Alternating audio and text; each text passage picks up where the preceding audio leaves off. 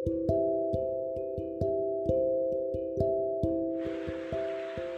hai, balik lagi sama gue. Kali ini kita masuk uh, episode podcast yang ke-8 masih tentang manusia. Kenapa nada gue senang banget ya, ceria banget. Gak apa-apa deh. Kali ini kita bakal bahas tentang salah satu drama yang kemarin gue tonton. Udah kelar sih, cuman sebenarnya review gue yang kali ini itu mau gue upload tuh dari Januari sebenarnya dari sebelum dramanya itu tamat cuman karena banyak kendala gitu kan ini aja gue colong-colongan banget nyari momen yang pas gitu biar enak recordnya. Nah itu sekedar informasi dikit aja. Nah balik lagi ke topik. Jadi apa yang bakal gue bahas kali ini yaitu seputar drama Arbila Summer yang menceritakan tentang sepasang mantan kekasih yang kembali bertemu terus dengan beberapa satu dua hal gitu mereka akhirnya menyelesaikan kesalahpahaman mereka waktu putus dulu gitu. Nah terus endingnya gimana? Endingnya balikan lah gitu. Nah dari drama itu yang paling gue sorotin banget yang paling gue ah ini bagus nih buat gue bahas gitu itu adalah sikap defensif dari si ceweknya, si main cast ceweknya, si Kok Yong Sunya. Nah, kenapa sih uh, topik ini yang gue ambil? Kenapa gue nggak ngambil topik tentang resiko balikan sama mantan itu gimana, terus resiko temenan sama mantan kayak gimana? Soalnya di drama itu ada uh, adegan-adegan itunya. Nah, tapi gue lebih fokus ke sikap defensifnya karena menurut gue ini karakter inti dari pemain utama ceweknya yang ngebikin masalah putus mereka itu bisa ada gitu.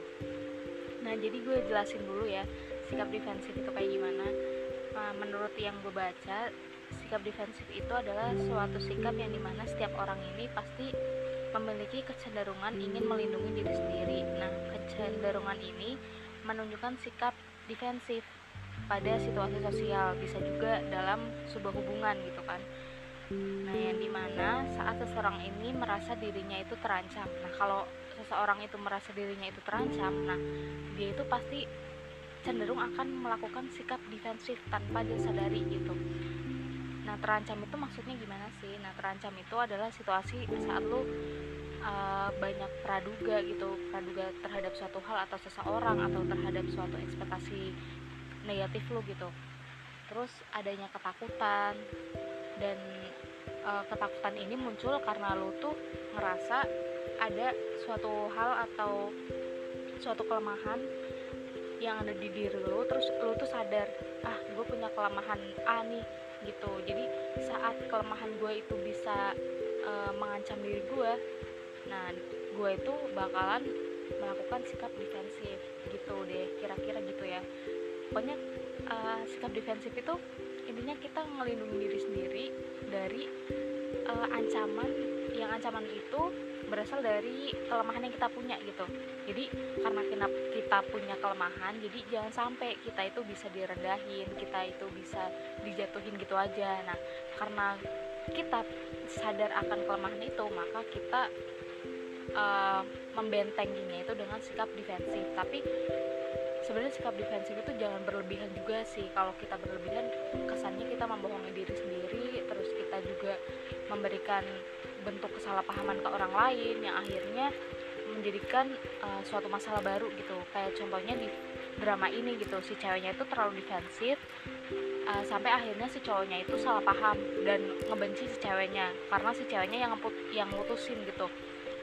Dan mutusinnya itu benar-benar uh, nggak masuk akal alasannya. Itu yang bikin si cowoknya tuh kayak ngerasa selalu ngerendahin dirinya sendiri gitu karena nggak dikasih tahu alasan putusnya yang jelas itu apa gitu. Kayak si cowoknya tuh selalu ngerasa apa gue kurang di fisik apa gue kurang di materi atau gue kurang di semangat hidup atau gimana? Atau gue orang yang nyebelin atau gimana? Nah di situ si cowoknya selalu menyalahkan diri sendiri, dirinya sendiri karena bentuk salah paham yang ditimbulkan dari sikap defensifnya si cewek gitu. Paham gak sih sampai sini? Ya gue gue harap sih paham ya. Nah yang akan gue ulas satu persatu gitu dari sikap defensifnya Kok Yong Su ini itu dari bentuknya. Gue bakal kenalin bentuk uh, defensifnya Yonsu itu kayak gimana terus alasannya Yonsu bisa defensif itu kenapa terus kira-kira bentuk ancaman yang uh, dirasain sama Yonsu itu apa? Terus akibatnya akibat dari defensifnya Yonsu itu apa gitu? Nah di sini gue bakal bahas satu persatu dulu ya. Yang pertama bentuk defensifnya Yonsu. Bentuk defensif seorang itu beragam ya tergantung cara pemikirannya. Sudut pandangnya itu gimana terus sikapnya itu uh, gimana dan situasinya gitu. Nah bentuk defensifnya Yonsu ini lebih ke sikap cuek dingin sok kuat gitu. Sebenarnya Yonsu ini lemah gitu. Jadi pasti kan kita tahu orang defensif itu ada kelemahan yang dia punya. Nah kelemahannya Yonsu itu apa sih? Ini juga bakal bisa masuk di alasannya sih. Jadi ntar gue bisa gabungin aja ya. Nah kelemahan Yonsu ini Yonsu itu kalau dari yang gue tangkap itu Yonsu berasal dari keluarga yang kurang mampu dia nggak punya orang tua terus dia cuma tinggal sama neneknya alhasil yang kerja kan cuma neneknya gitu. Nah Yonsu berharap setelah dia lulus uh, sekolah terus kuliah itu dia orientasinya langsung ke gimana biar nggak miskin gitu loh. Gimana caranya biar tiap hari itu nggak ada beban. Bayar inilah bayar itulah. Ya gue tahu tiap hari pasti ada gitu namanya manusia ya hidup pasti ada tanggungan nah maksudnya Yonsu itu kayak gimana caranya biar ada space bisa apa ya ngasih reward ke diri sendiri gitu. Nggak cuman kerja buat nutupin kebutuhan mulu gitu loh. Jadi kan biasanya orang kalau nih orang yang nggak punya cari kerja itu orientasinya gimana caranya buat biar buat uh, memenuhi kebutuhan hidup sehari-hari. Beda kalau sama orang yang kaya terus kerja mereka buat apa? Buat kegiatan aja gitu. Kadang ya kadang juga apa kerja itu cuman memenuhi keinginan mereka aja. Kayak uh, mereka pengen kerja di bidang ini nih ya udah kerja gitu.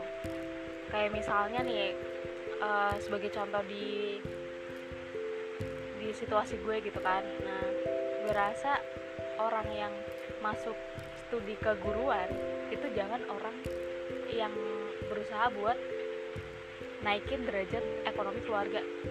Itu menurut gue agak agak salah sih. Maksudnya ya gue nggak menyalahkan orang-orang yang dari keluarga nggak mampu buat jadi guru. Menurut gue bisa mungkin nanti uh, dia bisa bisa effort dengan kemampuannya terus bisa mencapai apa yang dia pengen. Nah tapi gimana sama orang yang ibaratnya enggak bukan nggak punya sih tapi sedikit kesempatan gitu buat mewujudkan mereka jadi guru gitu. Kan agak banyak masalahnya gitu. Apalagi kalau jadi guru itu kan gajinya kecil terus harus ngabdi dulu PNS-nya susah gitu. Beda kan sama orang kaya? Orang kaya jadi guru nyogok bisa. Terus uh, punya orang dalam banyak? Pasti. Terus ya gitulah privilege orang kaya. Nah gitu. Intinya itu aja uh, contoh relate dari keadaan Yonsu itu kayak gimana? Bisa gue jabarin kan? Kalau Yonsu itu benar-benar kerja buat kebutuhan keluarganya bukan kayak bukan kayak si cowoknya si Yo, si Ung ini cowoknya kan Ung namanya. Nah si Ung ini kayak dia tuh kerja atau kuliah kayak buat ya udah gitu kehidupannya nggak mau ngapain kalau nggak kuliah kalau nggak kerja kerja pun dia pengennya yang sesuai dia suka gitu. Nah beda sama Yonsu. Yonsu itu berasal dari keluarga yang kurang mampu. Dia nggak bisa dong kerja sesuai yang dia suka tapi sesuai gimana bakalan memenuhi kebutuhan hidup dia sama neneknya biar nggak miskin gitu. Itu perbedaannya. Terus uh, masih seputar bentuknya ya bentuk defensifnya itu tadi gue jelasin kelemahannya adalah bentuknya. Karena Yonsu ini ngerasa dirinya punya kelemahan di finansial maka Yonsu ini punya bentuk defensif berupa sikap cuek dingin dan sok uh, mungkin orang lain bakal mandangnya Yonsu ini ah sok sok banget sih lu gitu. Sok iye gitu. Padahal mas sebenarnya dibalik itu Yonsu punya suatu tameng gitu buat menutupi kelemahan dia biar nggak direndahin gitu. Hal ini dibuktikan sebenarnya dari kecil sih dari Yonsu masih kecil Yonsu itu udah diejek kayak ah lu nggak punya orang tua gini gini gini. Nah untuk menutupi sikap kelemahan Yonsu itu Yonsu itu bersikap kayak cuek kasar ketus gitu loh biar orang-orang itu nggak berani buat ngerendahin dia. Kayak Yonsu itu sadar gue sadar gue punya banyak kelemahan gue nggak punya orang tua keluarga gue finansialnya minus banget gitu. Jadi gue harus menciptakan suatu image biar orang itu nggak ngerendahin diri gue sendiri gitu. Si Yonsunya tuh gitu. Nah hal ini berlanjut juga sampai SMP eh, SMA SMP deh. SMP si Yonsu itu kan karena Yonsu ini pintar ya. Jadi banyak orang-orang yang suka berteman sama Yonsu kayak tiba-tiba ngasih makanan traktir dan lain sebagainya. Padahal Yonsu nggak minta. Nah tapi ternyata si teman-temannya itu kayak ngerasa pengen Yonsu ini ngasih timbal balik gitu loh traktir balik lah ngasih makanan balik lah gitu-gitu tapi kan keadaan berkata lain gitu Yonsu nggak punya gitu hal untuk membalas kebaikan-kebaikan itu gitu. jadi uh, untuk menghindari suatu gift atau pemberian dari teman-temannya itu akhirnya Yonsu kayak bersikap nggak mau diajak makan bareng nggak mau nggak suka kalau dikasih sesuatu gitu. Karena apa? Karena Yonsu takut dia nggak bisa balikin hal itu gitu loh. Jadi malah membuat sebuah kekecewaan sama si orang yang ngasih gitu. Jadi mending Yonsu ya udahlah mending gue nggak ikut mending gue nggak join sama circle gue gitu. Mending gue sendiri lah hidup sendiri nggak apa-apa. Yang penting studi gue lancar terus gue bisa kerja bisa kuliah terus bisa menghasilkan uang lah gitu buat memperbaiki perekonomian keluarganya gitu. Nah kalau alasannya tadi udah ya udah dikasih tahu kalau Yansu itu uh, finansial keluarganya tuh minus terus orang tuanya itu meninggal dia nggak punya kedua orang tua cuma punya neneknya doang. Nah itu alasannya dia itu defensif. Nah bentuk ancamannya yang dirasakan Yonsu menurut gue ini berasal dari point of view-nya si Yonsu ya POV-nya si Yonsu kalau Yonsu itu ngerasa bakalan direndahin sama orang nggak bakal dihargain terus bakalan ditinggalin bahkan ditinggalin sama pacarnya si Ung itu gitu. Jadi waktu itu kenapa mereka putus nih gue kronologinya aja ya.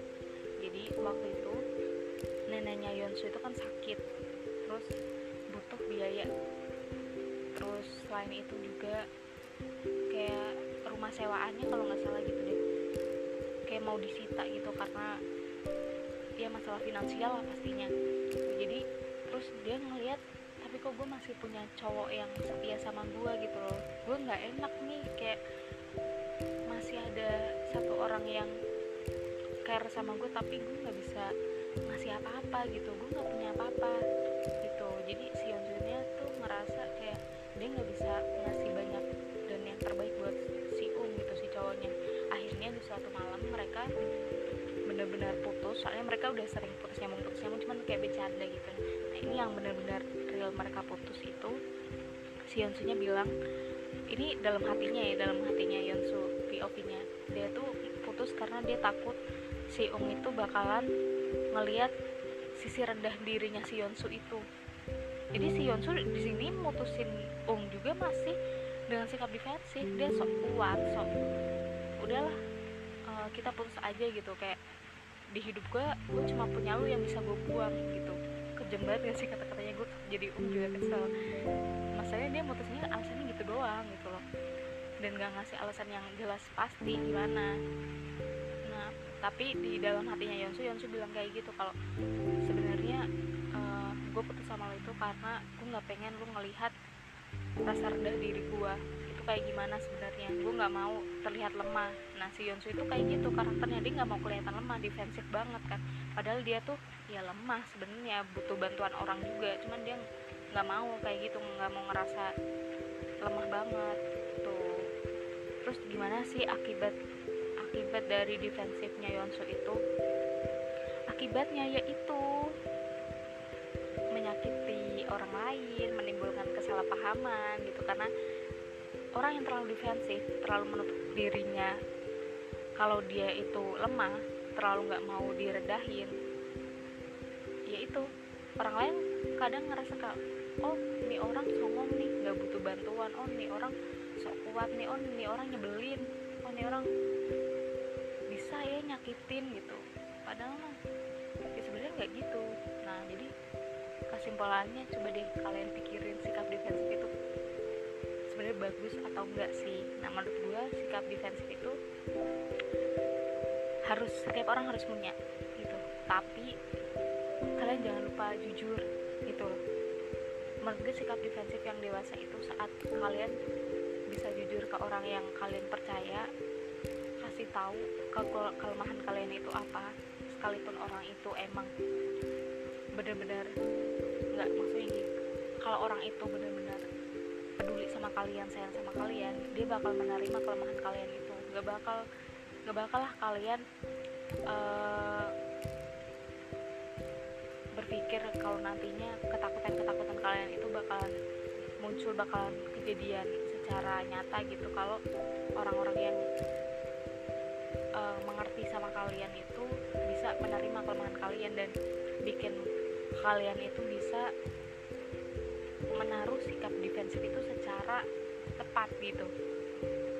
Kalau kalian tepat itu maksudnya gimana? Nah gini tepat itu maksudnya kayak misal kita direndahin sama orang yang songong gitu karena kita nggak punya apa-apa. Misalnya kita ya dalam artian mungkin nggak punya satu dua hal gitu kompetensi atau apa pun gitu. Nah kalian direndahin kalian sikap defensif aja kayak nggak lemah-lemah banget kok. Gue bisa kok uh, ini satu dua hal ini gitu. Gue nggak bener-bener nggak berguna banget. Itu enggak gitu. Kalian bisa tuh sikap defensif kayak gitu tapi jangan kalian sikap defensif ke orang yang sebenarnya tuh tulus sama kalian sayang sama kalian gitu. Karena akhirnya apa? Akhirnya bakal ada salah paham. Nggak cuma nggak cuma nyakitin diri kalian doang sebenarnya. Karena orang yang defensif itu juga bakalan sakit hati banget kalau dia bikin suatu kesalahpahaman tapi juga orang yang dapetin sikap defensif dari kalian itu yang dapetin kesalahpahaman dari apa yang kalian omongin apa yang kalian lakuin itu bakal menimbulkan sakit hati yang dalam banget dan bahkan bisa bertahun-tahun gitu nggak bisa dilupain. Because nggak ada kejujuran di situ gitu loh. Jadi terlalu banyak kebohongan terlalu sok kuat itu tuh nggak bagus gitu loh. Jadi itulah sikap defensif yang bisa gue jelasin dari serial drama ini. Dramanya kalau dari gue gue coba ulas sedikit ya dari dramanya. Dramanya itu seru. Sinematro simena sin sinematografinya itu bagus. OST nya bagus gue suka banget. Tapi entah kenapa gue nggak nonton episode terakhirnya episode 16 gue nggak tahu kenapa ya pokoknya kadang kan orang sangat menantikan episode terakhir ya gue malah gak nonton sampai sekarang. Gue cuman stuck di episode 15 habis itu gue ngerasa oh oke okay, clearnya kayaknya kayak gitu endingnya kayak gini gue udah paham endingnya terus ya udah gue nggak nonton deh.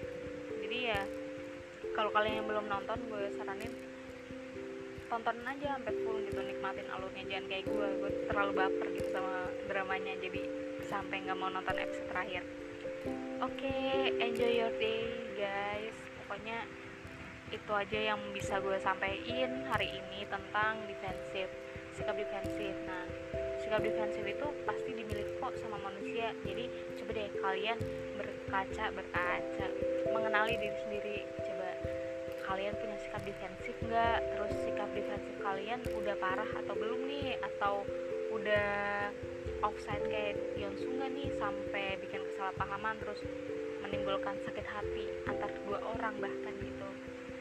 Coba deh introspeksi lagi gitu. Siapa tahu sebenarnya kalian punya